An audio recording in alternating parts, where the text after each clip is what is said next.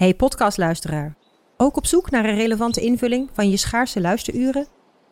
Tune dan in op de podcastserie ESG, even samengevat van BNP Paribas. Wij, Marloes en Aldert, spreken daar duurzame voorlopers en wereldverbeteraars. Waarover dan? Nou, bijvoorbeeld of we ooit duurzaam kunnen gaan vliegen. En waarom koeien in de stad nou een goed idee is? Dat en meer elke twee weken in een nieuwe aflevering. Dus abonneer je. ESG, even samengevat. Al 125 jaar kwaliteit voor jou thuis met Miele. Dat vieren we met jou. Ontvang nu tijdelijk een cashback tot 125 euro op veel Miele-apparatuur. Geniet van de kwaliteit van Miele. Voor perfect verzorgd wasgoed en kleding die veel langer mooi blijft. Voor een stralend schone vaat, even perfect als jouw diners. En een stofvrij thuis waarin echt hygiënisch schoon de standaard is. Check miele.nl voor alle feestelijke aanbiedingen. Vanaf de redactie van NRC het verhaal van vandaag. Mijn naam is Thomas Ruip.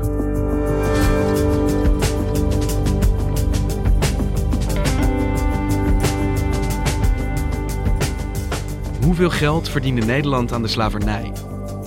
Meningen genoeg, heldere antwoorden nauwelijks. Tot vandaag. Voor het eerst hebben historici de opbrengsten systematisch geanalyseerd. En wat blijkt? In het jaar 1770 was 5,2% van het Nederlands bbp te danken aan slavernij. En dat, zeggen zij, is een conservatieve schatting.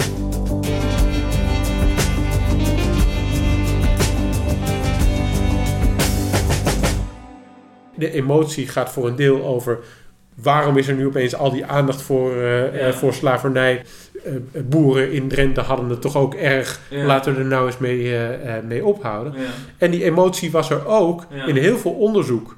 Dat eigenlijk in het verleden tamelijk makkelijk wegwuifde. Ja. Nou, zoveel betekenis kan het niet uh, Ja. hebben, hebben gehad. Ja. Wat dat betreft doen we denk ik aan een belangrijke correctie. Het nieuws is dat we eindelijk weten hoeveel Nederland, de, de, de Nederlandse Republiek, heeft verdiend uh, aan de slavenhandel. Bart Funnekotter is historicus en werkt op de wetenschapsredactie van NRC. Er bestonden heel veel ideeën over, maar die ideeën waren niet gebaseerd op uh, heel gedegen en structureel systematisch wetenschappelijk onderzoek. Je, had, je hebt in feite in de hele discussie over de slavernij, hè, want daar gaat natuurlijk heel veel over op, op dit moment heb je twee meningen, twee extremen. Aan de ene kant heb je de mensen die zeggen... Uh, de Nederlandse Republiek is stinkend rijk geworden... dankzij de slavernij, dankzij de slavenhandel... en de op slavenarbeid gebaseerde economie. En aan de andere kant heb je mensen die zeggen... nou, dat viel hartstikke mee. Eigenlijk was die slavernij van geen enkele economische betekenis. En wat hoor jij dan zeg maar, aan beide zijden van dit gepolariseerde debat? Nou, bijvoorbeeld afgelopen zondag in het onvolprezen geschiedenisprogramma op de radio uh, OVT. Dat was een item dat ging over herstelbetalingen. Daar zei Armand Zunder, ja, als je over de gracht loopt en ik kijk om me heen, dan zie ik daar die prachtige uh, huizen. En dat waren van die kooplieden. En die kooplieden die zijn allemaal rijk geworden uh, dankzij het werk van de slaven.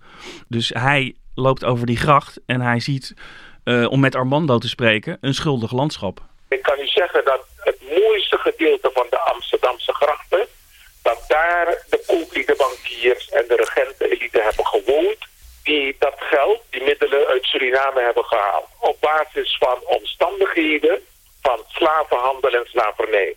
Waarvan de regentenelite en heel Nederland van hebben geprofiteerd.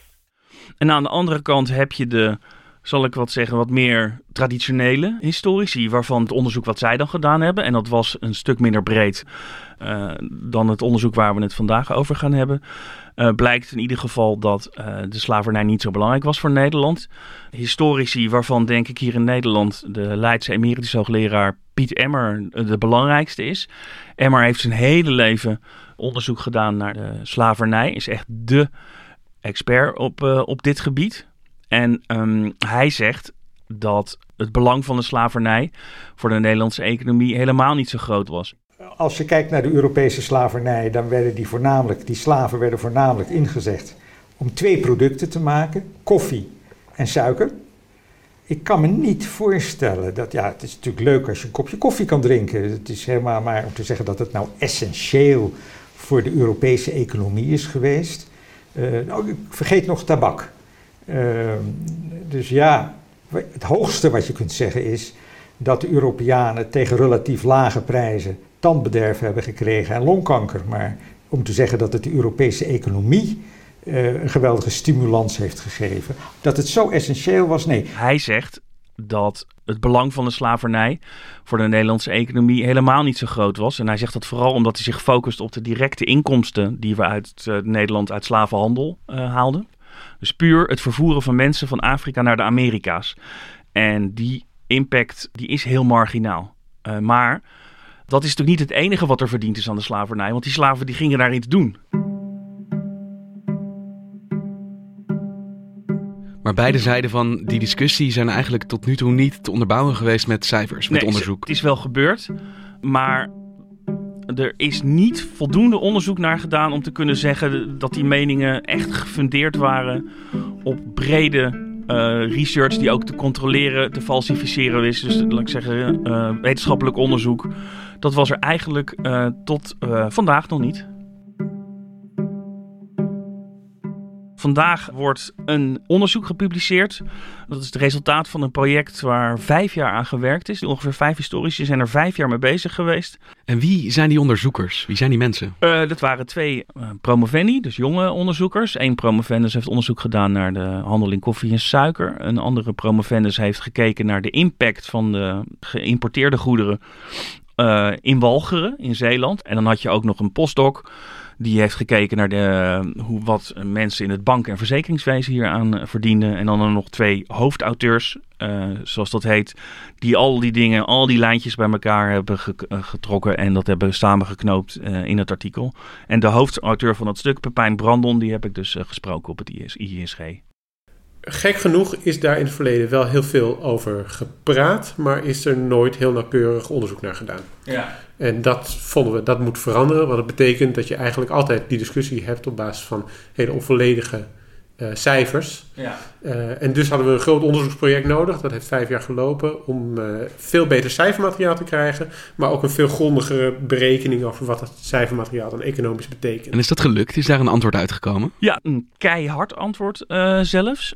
In het jaar 1770 was ruim 5% van het Nederlandse bruto binnenlands product uh, hing samen met de op slavernij gebaseerde arbeid. En voor de rijkste provincie, provincie Holland, was dat zelfs ruim 10% van het bruto binnenlands product. Dus we hebben een cijfer. We hebben de cijfer, we hebben een keihard cijfer inderdaad. En dat cijfer is opgebouwd uit een heleboel deelcijfers.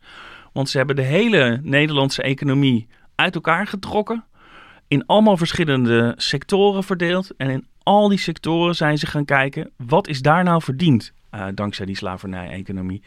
Dus ze hebben de handelsstromen in kaart gebracht. Hoeveel suiker, koffie, tabak en indigo kwam er uit de Amerika's naar Nederland toe.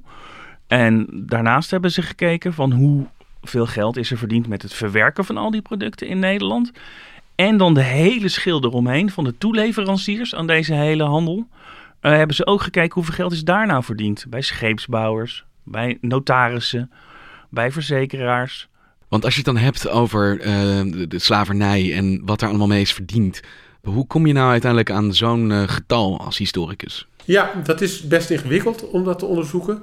De reden is dat uh, statistiek in deze periode eigenlijk niet bestond. De overheid die verzamelde niet op grote schaal gegevens over handelstromen, het grootte van de economie enzovoort. Ja. Dus alle cijfers die je hebt, die moet je reconstrueren. Nou zijn er wel allerlei totaalschattingen van de handel uh, beschikbaar. Mm. Dat, uh, vanaf de 18e eeuw hebben eigenlijk mensen dat al ingeschat. Ja.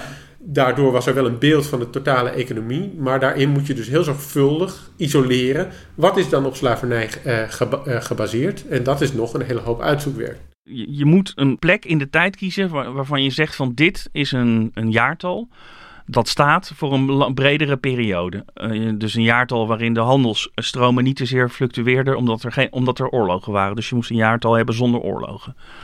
Dan dat is een beginpunt, een soort vertrekpunt. Ja, je moest, uh, ze moesten ook op zoek naar een jaartal waar de, de slaveneconomie in de nieuwe wereld, en dan met name in Suriname, want daar hebben we het over, een beetje uitontwikkeld was. Uh, dat, waar de slaveneconomie dus op een, op een steady niveau zat. En ook de internationale handel moest een beetje zijn uh, uitontwikkeld. Dus op dat moment de, de handel een niveau had bereikt dat representatief was voor meerdere decennia. Toen vonden ze dat uh, het jaar 1770 paste daar goed op. En bij dat jaar waren ook uh, lekker veel bronnen beschikbaar. Bijvoorbeeld als het ging om belastinginkomsten. Laat ik een fictieve koopman uh, in Amsterdam schetsen. Die heeft een zak geld en die wilde investeren. En die dacht, weet je wat, ik investeer in een groeiindustrie. Ik ga investeren in de Atlantische handel. Dus die gaat met zijn zak geld naar de, de notaris en die zegt: Stel voor mij een contract op. Ik wil deelnemen aan een handelsconsortium. En wij gaan handelen in suiker en, en koffie. Dan is dus de eerste persoon die daar geld mee verdient, dat is dus de notaris. Die gaat het contract opstellen. Dan zegt die koopman ook, nou, het is wel linkersoep, want je hebt, er varen ook Engelsen op de Atlantische Oceaan. Voordat je het weet, pakken die je schip af. Dus ik ga ook naar een verzekeraar. Ik ga mijn, mijn handeltje verzekeren. Dan is de verzekeraar die daar geld mee verdient. Dan gaat de koopman naar de scheepsbouwer en die zegt, bouw voor mij een mooi schip uh, waarmee koffie en suiker kan importeren. De scheepsbouwer gaat aan het werk. Nou, dus er wordt dan winst gemaakt door de scheepsbouwer. Timmerlieden die, uh, die daar werken. De touwslagers. Dus die hele toeleverende industrie. Die krijgen, mensen krijgen allemaal hun loon. Dan wordt er uh, een, bemanning aangebonsterd. Die krijgen ook allemaal geld. En die mensen willen onderweg ook eten en drinken. Dus dan moet je never aan boord. En andere voorraden. Nou, dan heb je dus die jeneverstoker en handelaar. En andere mensen die bijvoorbeeld die de wapens leveren. Waarmee de bemanning zich moet verdedigen, wordt geld verdiend. Nou, het hele zwikje gaat uh, de zee op. Hebben waarschijnlijk nog uh, dingen aan boord. Uh, want met een leeg ruimvaren is zonder dingen aan boord die ze daar gaan verkopen in de Amerika's. Dan komen ze terug met suiker en koffie. Suiker wordt uitgeladen. Nou, dus die mensen die uh, in de suikerverwerkende industrie in Amsterdam werken, krijgen daar een centje voor. En dan wordt het dus de rest uh, met, wordt het op rivierschepen gezet. En de rivierhandel vanuit Nederland was ook heel groot. En wordt het naar Duitsland en Frankrijk en dergelijke gevaren. En daar wordt ook weer geld uh, verdiend door en de bemanningen op die schepen en de handelaren die het spul verkochten. En aan het eind van het verhaal heb je dus die man die helemaal aan het begin zijn investering deed die krijgt dus, uh, de, de, de, de, Amsterdamse koopman, die krijgt dus de grote winst van dit, van dit hele project.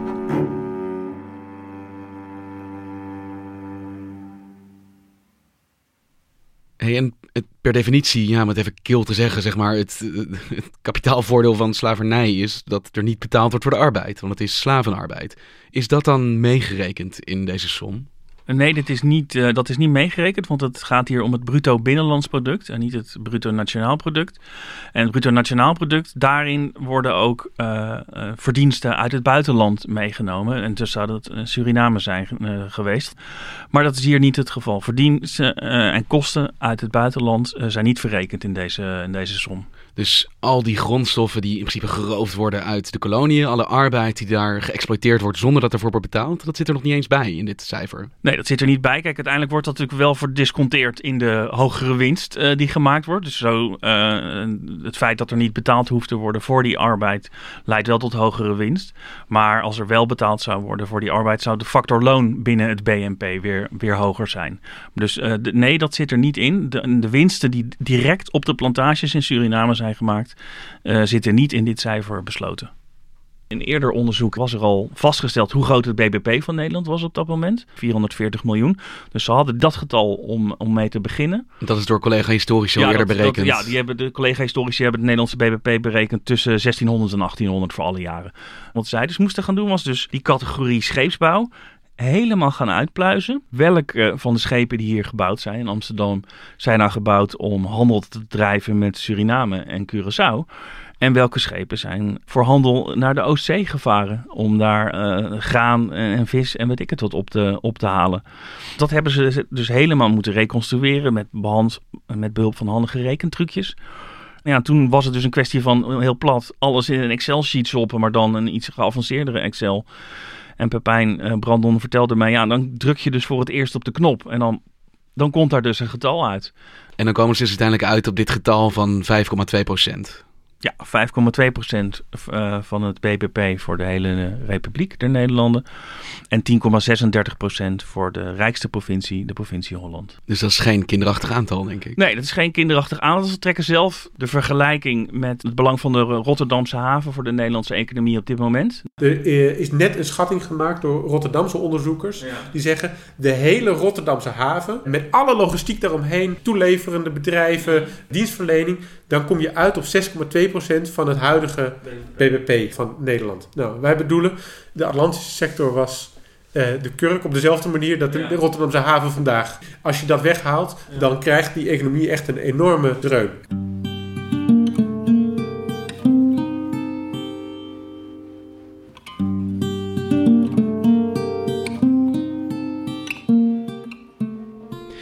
Zegt, dit was natuurlijk altijd een gepolariseerde discussie. In de laatste jaren zie je het helemaal in de publieke ruimte Ja. opspelen. Ja. Uh, maar die was altijd vrij ongeïnformeerd, omdat Ja. dit getal er dus niet was. Nee, klopt. En nu hebben we dat, die 5,2 procent. Hoe gaat dat, denk jij, de discussie verder helpen? Tja, als ik in mijn glazen bol moet kijken, dan vrees ik, zoals het altijd gaat met dit soort dingen, dat iedereen eruit pikt wat hem, wat hem goed uitkomt. Beide partijen zullen, denk ik, in dit percentage argumenten vinden om hun eigen gelijk gestaafd te zien. Je kan zeggen 5,2 procent, dat is niet niks.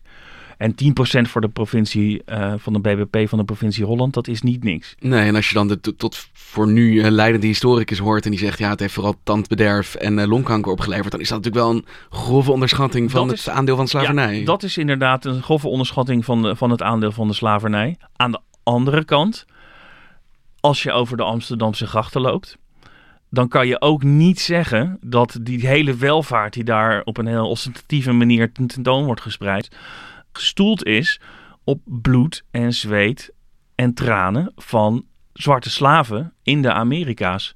Ja, daar is, daar is behoorlijk geld mee verdiend door de elite. Pepijn Brandon heeft het in mijn eh, gesprek met hem ook over de, de 1% van die tijd, dus van de 1770.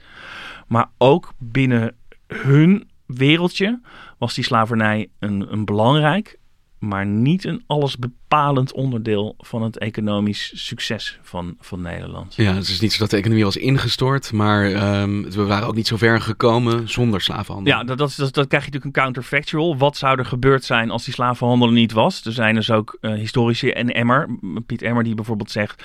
we leefden in zo'n dynamische economische tijd... dat die investeringen die toen naar de slavernij eh, zijn gegaan...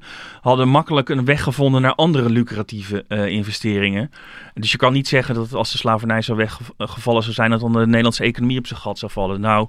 De auteurs van het stuk wat vandaag wordt gepubliceerd zijn het ook daarin niet eens met Emmer. Want zij zeggen juist, de slavernij deed het zo goed in een periode waarin de rest van de Nederlandse economie eh, gekenmerkt werd door stagnatie en zelfs achteruitgang.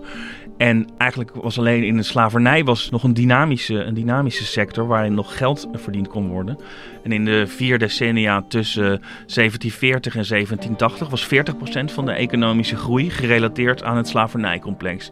Dus die slavernij was eh, relatief belangrijk voor de economische groei van Ja, Nederland. precies. Ja. Dus het is 5% van een, eh, van een stilstaand cijfer. Maar Ja. als je ziet van hoe de groei is gegaan en Ja. de ontwikkelende welvaart, is het eigenlijk misschien nog wel veel belangrijker Ja, geweest. Inderdaad.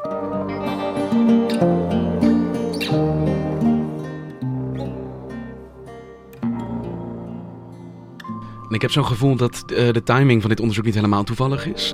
Want het is, het is maandag, eh Katie Kotti, zeg maar, de, ook Ja. de herdenking van de afschaffing van de slavernij. Klopt. Dit onderzoek verschijnt een week eerder. Ja. En eerder deze week heeft gemeente Amsterdam Ja. aangekondigd excuses te willen maken voor de slavernij. Kan zo'n onderzoek en zo'n getal daar iets aan bijdragen? Ja, zeker. Als je excuses aan, eh, wil aanbieden, moet je natuurlijk weten waarvoor bied ik dan mijn excuses aan.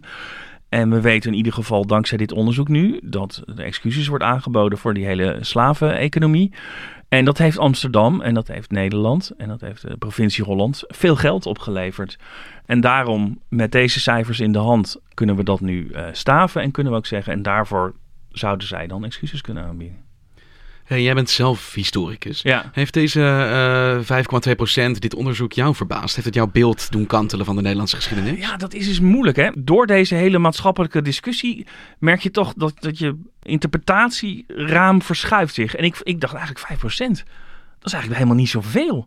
Ik was zelf ook ongemerkt meegegaan in het idee dat ehm, de slavernij enorm belangrijk was. Echt, echt alles bepalend. En, ik, en dat was dus. De, de slavernij was belangrijk en was bepalend, maar niet enorm belangrijk en niet alles bepalend. Dus ja, het interessante hieraan is, is dat weer eens blijkt dat de geschiedenis genuanceerd is en niet zwart en wit. En die grijstint is misschien minder makkelijk om over te praten. Het is makkelijker om te praten in zwart en wit. Maar nu hebben we met al zijn nuances eindelijk een beeld wat de slavernij-economie nou betekende voor de Nederlandse economie. Dankjewel Bart. Graag gedaan.